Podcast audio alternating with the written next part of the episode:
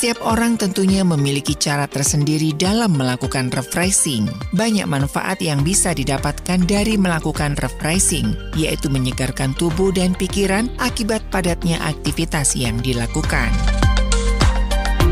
Simak perbincangan seputar gaya hidup dalam Pelangi Kasih Spesial Weekend hari Jumat pukul 11 waktu Indonesia Barat hanya di 92,5 Maestro FM.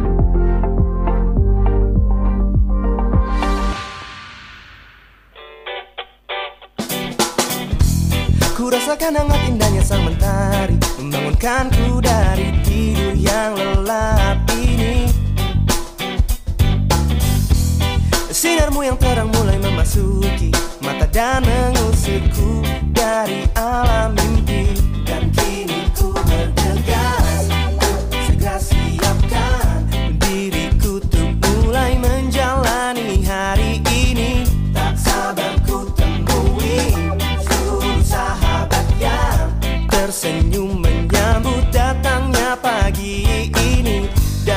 katakan. Tak berpaling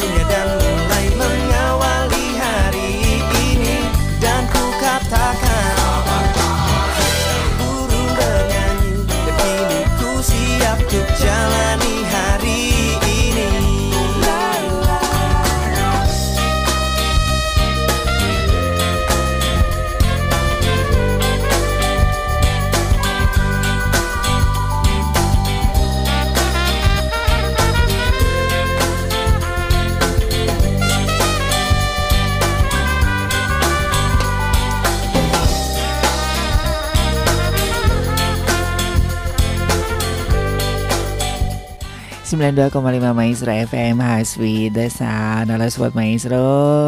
Kita ketemu lagi ya di Pelangi Kasih Spesial Weekend ya Bersama saya Ari dan rekan Stefanus ya. Biasa ya kalau sudah hari Jumat Di uh, Pelangi Kasih Spesial Weekend Kita jeda sejenak dari gejolak permasalahan keluarga ya. Apalagi hari ini tuh hari yang sangat luar biasa Tanggal yang cantik ya Sobat Maestro ya Tanggal 3 33 Wah ini udah flash sale dan segala macem gitu ya. Nah, saya akan mengajak Anda ya bukan untuk berbelanja, ya bolehlah ya belanja, tapi ini adalah hasil perjalanan saya beberapa waktu yang lalu ke Jawa Timur. Nah, saya akan mengajak Anda untuk menjelajah salah satu desa yang mungkin hari-hari ini juga lumayan lumayan terkenal ya. Ini kotanya saya pikir ini kota besar ya, tapi ini kotanya cukup kecil. Nah, kota mana? Rahasia dong.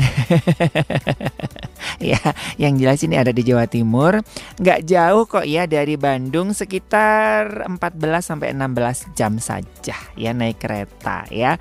Ke kota mana? Saya akan mengajak Anda untuk jalan-jalan ke Kabupaten Trenggalek, Jawa Timur.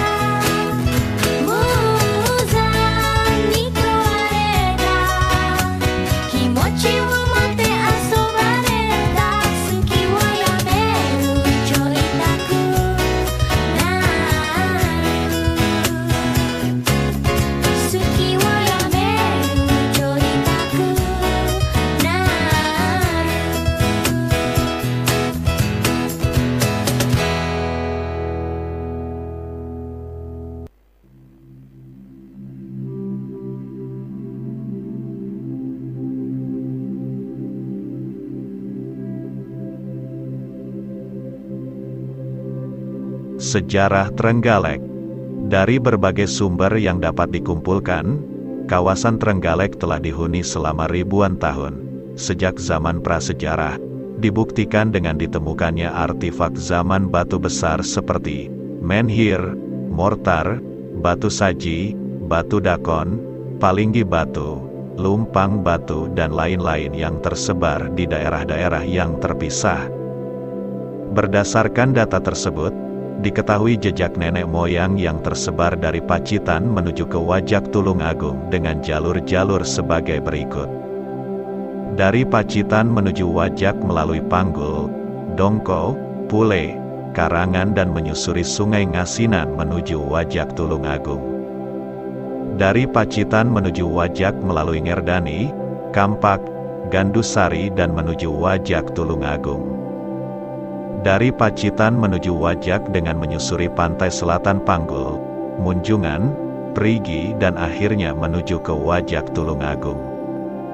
Menurut Hari van KEERKEREN, Homo wajakensis, manusia purba wajak, mencari jejak manusia wajak, HTML, hidup pada masa Pleistocene atas, sedangkan peninggalan-peninggalan manusia purba Pacitan berkisar antara 8.000 hingga 23.000 tahun yang lalu. Sehingga, disimpulkan bahwa pada zaman itulah Kabupaten Trenggalek dihuni oleh manusia.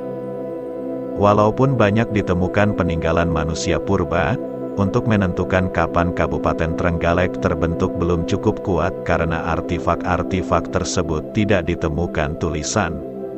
Baru setelah ditemukannya prasasti Kamsaka atau tahun 929 M, dapat diketahui bahwa Trenggalek pada masa itu sudah memiliki daerah-daerah yang mendapat hak otonomi, swatantra, di antaranya Perdikan Kampak berbatasan dengan Samudra Indonesia di sebelah selatan yang pada waktu itu wilayahnya meliputi Panggul, Munjungan dan Prigi.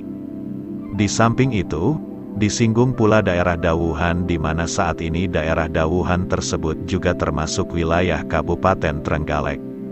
Pada zaman itu tulisan juga sudah mulai dikenal. Setelah ditemukannya prasasti Kamulan yang dibuat oleh Raja Sri Sarweswara Triwi Kramataranindita Srengga Lancana di Kwijaya Tunggadewa atau lebih dikenal dengan sebutan Kertajaya, Raja Kediri, yang juga bertuliskan hari, tanggal, bulan, dan tahun pembuatannya, maka panitia penggali sejarah menyimpulkan bahwa hari, tanggal, bulan dan tahun pada prasasti tersebut adalah hari jadi Kabupaten Trenggalek. Sejarah singkat pemerintahan Seperti halnya daerah-daerah lain, di zaman itu Kabupaten Trenggalek juga pernah mengalami perubahan wilayah kerja. Beberapa catatan tentang perubahan tersebut adalah sebagai berikut. Dengan adanya perjanjian Gianti tahun 1755, Kerajaan Mataram terpecah menjadi dua, yaitu Kesunanan Surakarta dan Kesultanan Yogyakarta. Wilayah Kabupaten Trenggalek seperti di dalam bentuknya yang sekarang ini, kecuali Panggul dan Munjungan, masuk ke dalam wilayah kekuasaan Bupati Ponorogo yang berada di bawah kekuasaan Kasunanan Surakarta. Sedangkan Panggul dan Munjungan masuk wilayah kekuasaan Bupati Pacitan yang berada di bawah kekuasaan Kasultanan Yogyakarta. Pada tahun 1812, dengan berkuasanya Inggris di Pulau Jawa, periode Rafle tahun 1812 sampai tahun 1816, Pacitan, termasuk di dalamnya Panggul dan Munjungan, berada di bawah kekuasaan Inggris dan pada tahun 1916 dengan berkuasanya lagi Belanda di Pulau Jawa, Pacitan diserahkan oleh Inggris kepada Belanda termasuk juga Panggul dan Munjungan. Pada tahun 1830 setelah selesainya Perang Diponegoro, wilayah Kabupaten Trenggalek, tidak termasuk Panggul dan Munjungan, yang semula berada dalam wilayah kekuasaan Bupati Ponorogo dan Kasunanan Surakarta masuk di bawah kekuasaan Belanda. Dan, pada zaman itulah Kabupaten Trenggalek termasuk Panggul dan Munjungan memperoleh bentuknya yang nyata sebagai wilayah administrasi pemerintahan Kabupaten versi pemerintah Hindia Belanda sampai di saat dihapuskannya pada tahun 1923. Alasan atau pertimbangan dihapuskannya Kabupaten Trenggalek dari administrasi pemerintah Hindia Belanda pada waktu itu secara pasti tidak dapat diketahui. Namun diperkirakan mungkin secara ekonomi Trenggalek tidak menguntungkan bagi kepentingan pemerintah kolonial Belanda. Wilayahnya dipecah menjadi dua bagian, yakni wilayah kerja pembantu bupati di Panggul masuk Kabupaten Pacitan dan selebihnya wilayah pembantu Bupati Trenggalek, sedangkan Karangan dan Kampak masuk wilayah Kabupaten Tulung Agung sampai dengan pertengahan tahun 1950. Dengan terbitnya Undang-Undang Nomor 12 Tahun 1950, Trenggalek menemukan bentuknya kembali sebagai suatu daerah kabupaten di dalam tata administrasi pemerintah Republik Indonesia. Saat yang bersejarah itu tepatnya jatuh pada seorang pimpinan pemerintahan, akting bupati, dan seterusnya berlangsung hingga sekarang, seorang bupati pada masa pemerintahan Hindia Belanda yang terkenal sangat berwibawa dan arif bijaksana adalah Mangun Negoro II yang terkenal dengan sebutan Kanjeng Jimat yang makamnya terletak di Desa Ngulan Kulon, Kecamatan Pogalan. Dan untuk menghormati beliau, nama Kanjeng Jimat diabadikan sebagai salah satu jalan di Kabupaten Trenggalek.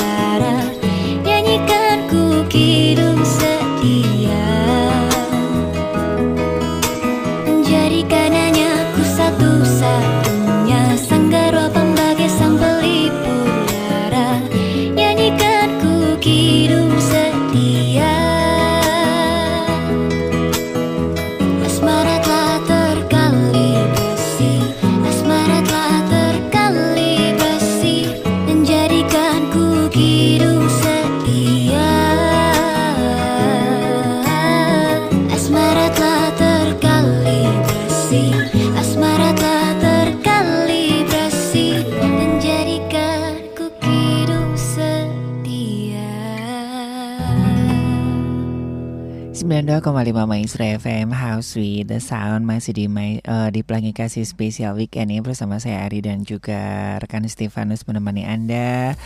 Dan iya tadi kita sudah mendengar ya sejarah daripada Kabupaten Trenggalek. Kotanya itu sendiri itu kecil sobat maestro ya. Alun-alunnya itu cuman ya dua menit aja sudah sudah muter alun-alun itu sudah nggak ada. Tapi wilayahnya itu sangat luas sobat maestro ya. Nah ternyata Kabupaten Trenggalek ini juga dulu itu masuk dalam wilayah Kerajaan Mataram dan juga uh, Kerajaan Yogyakarta sobat maestro. Tuh jauh banget ya. Kalau zaman dulu ya sobat maestro wilayah-wilayah yang ada dalam kerajaan-kerajaan di Jawa itu kan luas ya orang uh, Brunei aja dulu masuk wilayahnya dari kerajaan Majapahit ya sobat maestro. Kok bisa ya? Bisa lah ya zaman dulu ya.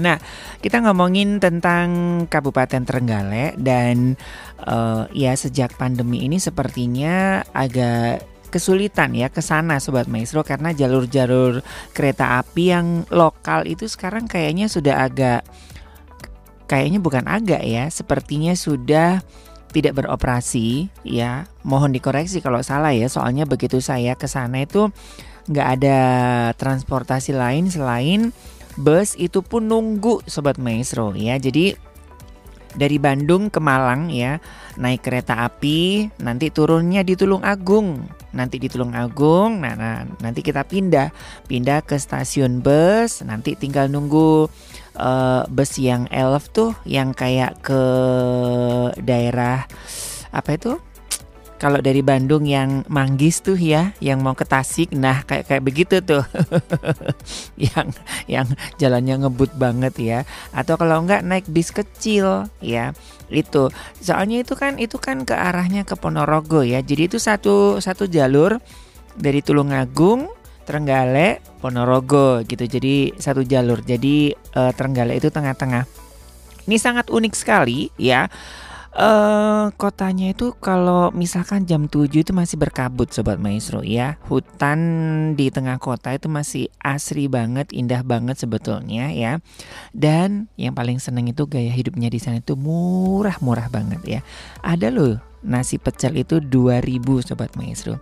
Di Bandung ada nggak ya? Boleh komen ya di saya ya nanti akan saya kunjungi kalau ada nasi pecel uh, 2000 pakai lauk tempe goreng. Uh, 2000 sobat maestro pakai gorengan tempe masih ada di Trenggalek itu 2000 ya jadi uh, kayaknya sangat sangat sangat sangat luar biasa di sana ya. Nah ternyata di Trenggalek ini memang uh, memiliki cukup banyak daerah pariwisata daripada di, di Tulung Agung ya. Karena memang Trenggalek ini kan di bagian selatan itu dekat dengan pantai selatan ya sobat maestro ya. Dan banyak sekali tempat-tempat wisata di sana.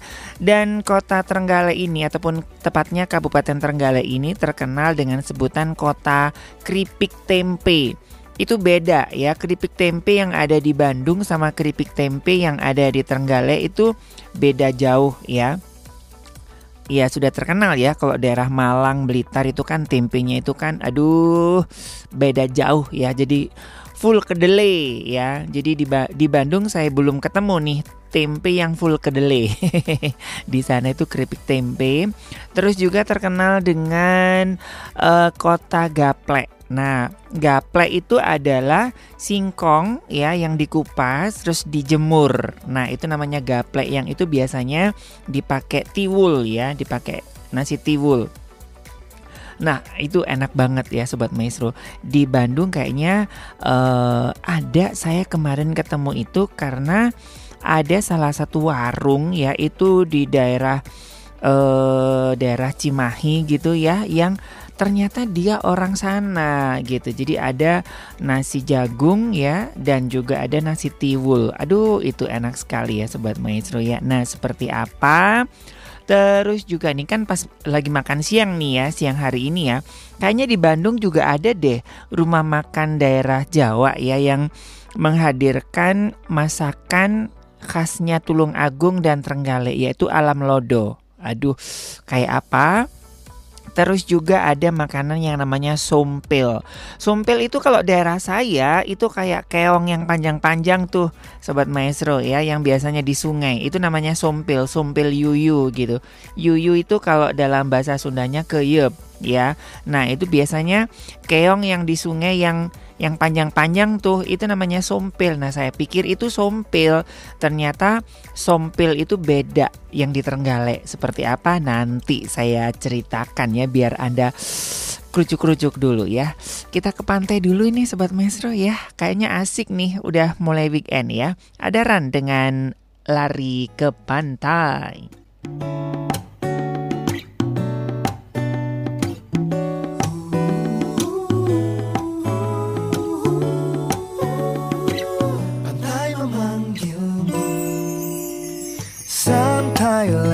Sejenak kawanku.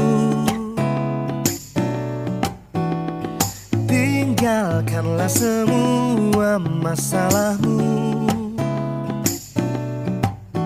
Bisik pasir deburan ombak Temani semesta membiru. Dengarlah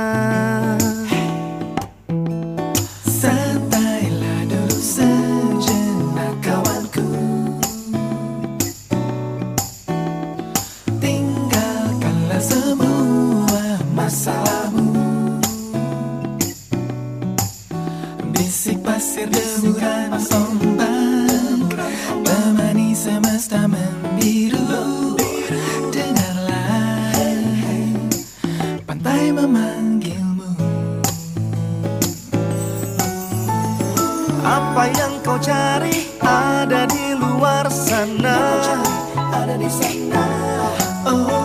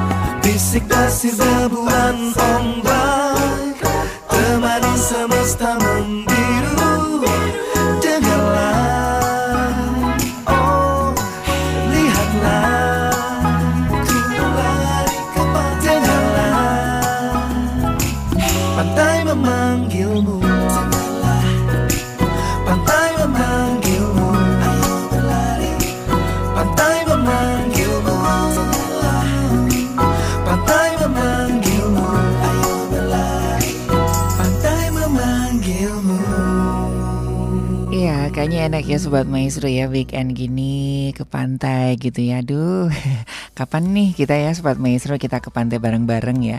Tapi ini hati-hati ya Sobat Maestro ya karena memang cuacanya agak cukup ekstrim dari informasi dari Badan Meteorologi dan Geofisika ya. Jadi untuk eh, pantai seputaran eh, selatan terus juga yang mau ke Jogja ini ya juga hati-hati ya berwaspada kalau misalkan ada mau berwisata ke, ke pantai ya karena memang eh, bulan April sam- eh, Maret sampai April ini juga gelombang laut masih lumayan tinggi ya, jadi berhati-hati aja ya.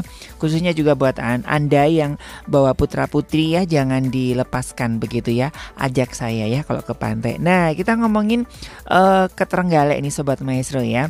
Ini sangat beda ya ketika di Tulungagung itu memang eh, beda banget sekalipun itu berdekatan ya. Jadi antara kayak eh, Bandung dan mana ya sebelahannya Bandung itu ya? Kayak Bandung dengan Cimahi gitu ya. Cimahi masih ada mallnya Sobat Maestro ya. Kalau di Trenggalek itu nggak ada mall karena memang cukup kecil ya. Kotanya itu cukup kecil tapi kalau dari kabupatennya itu sangat luas sekali. Karena dari eh, dari perbatasan Tulung Agung sampai ke kotanya itu dua jam Sobat Maestro ya. Naik bus kecil itu baru masuk eh, kotanya ya. Dan uh, saya keliling-keliling nggak ada mall, adanya itu cuma pasar pon ya. Tuh pasar pon itu kayak zaman di Bandung dulu itu jadi pasar tapi itu pasar modern ya. Kayak zaman dulu pasar. Itu pun tiga lantai kalau tidak salah ya. Ya dan itu pun sampai sore aja udah tutup gitu ya. Jadi uh, asik sih sebetulnya ya cari hotel juga nggak terlalu banyak ya. Hotel itu cuman ada beberapa.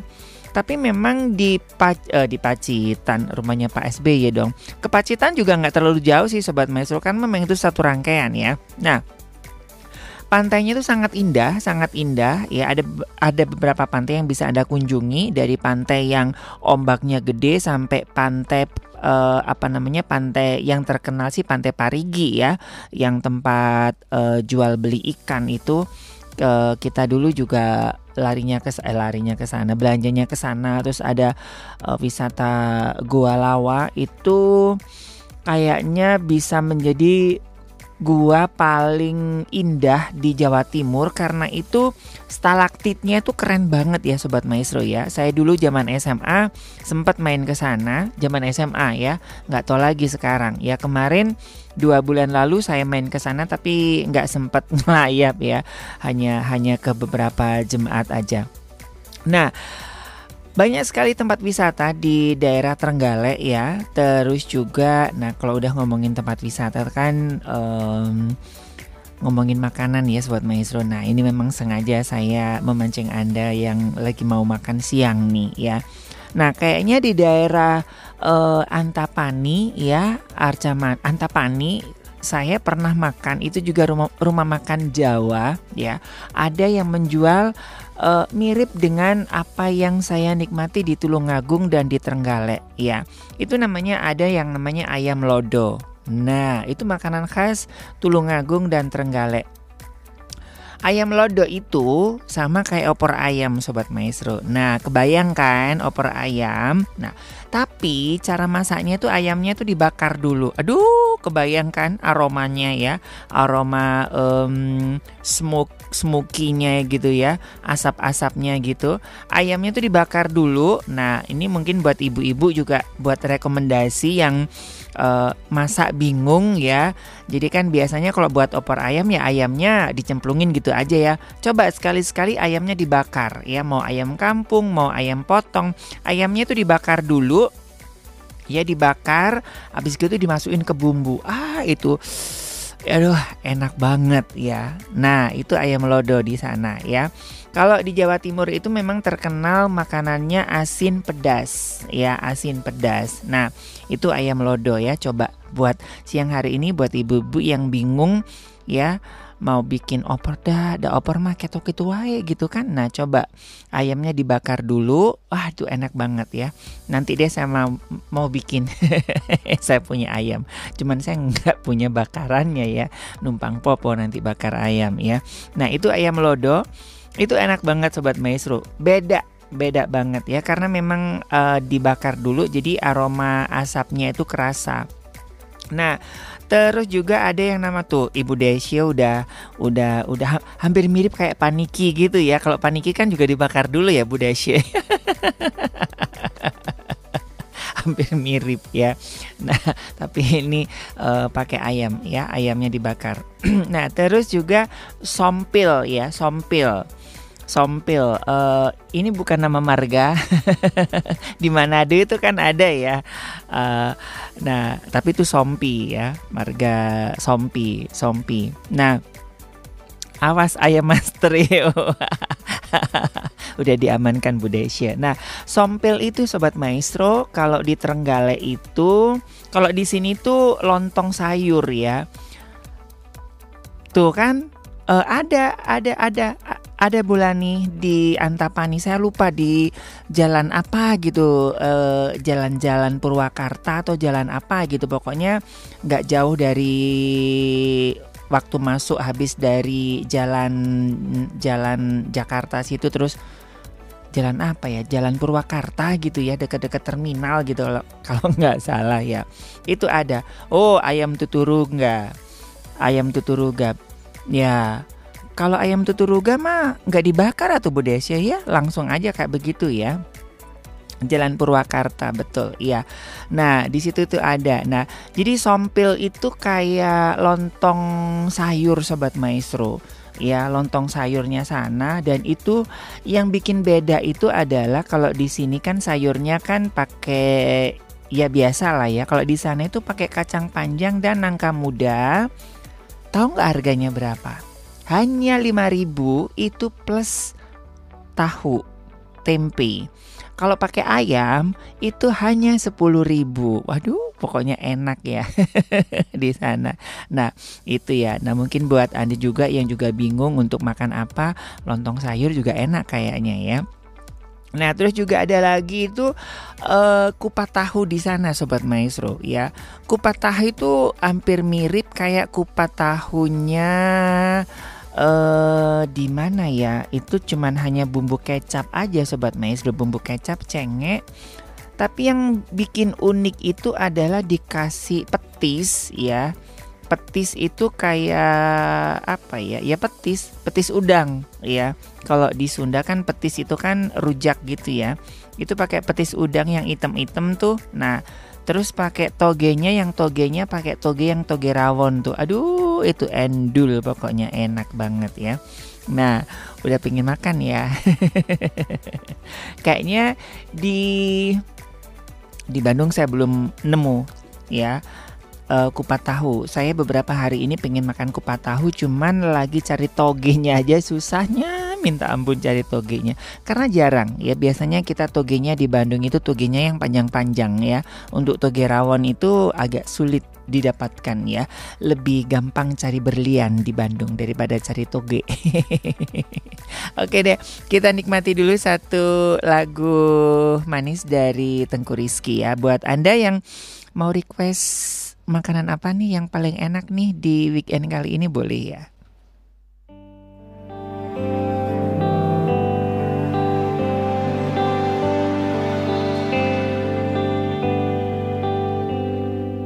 Hanya malam dan dingin. Jika tak tersentuh hangatnya matahari Yang jelas menyapa Tanpa keluh kesah memberi cinta. Hanya diam dan hampa Jika detik tak pernah ber terus berjalan Memberi kisah indah dalam hidup. Itulah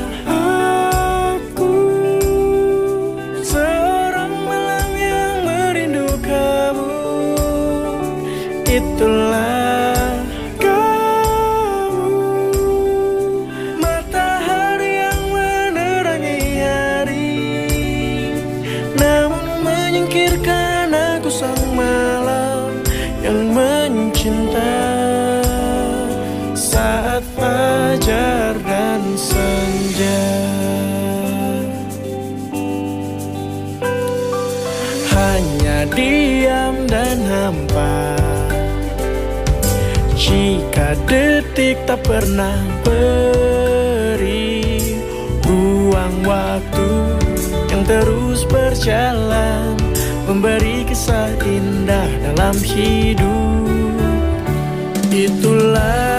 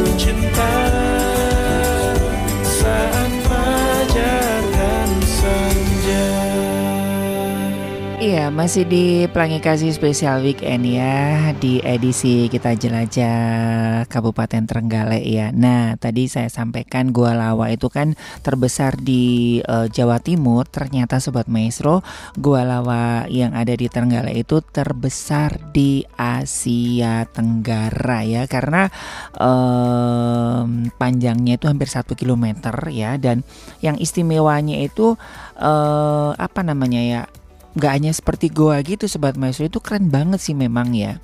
Terus ada nggak jauh dari situ itu juga ada Gua Maria tapi itu stalaktit dan stalagmitnya itu bisa dipakai tabuhan gitu kayak bunyi-bunyian dan itu warnanya itu kayak apa berlian gitu putih-putih gitu sobat maestro. Keren banget ya. Apalagi sekarang dikasih lampu-lampu gitu ya. Nah seperti itu. Terus juga ada pasir putih juga ya. Aduh pokoknya seneng lah di sana ya. Dan murah-murah sobat maestro.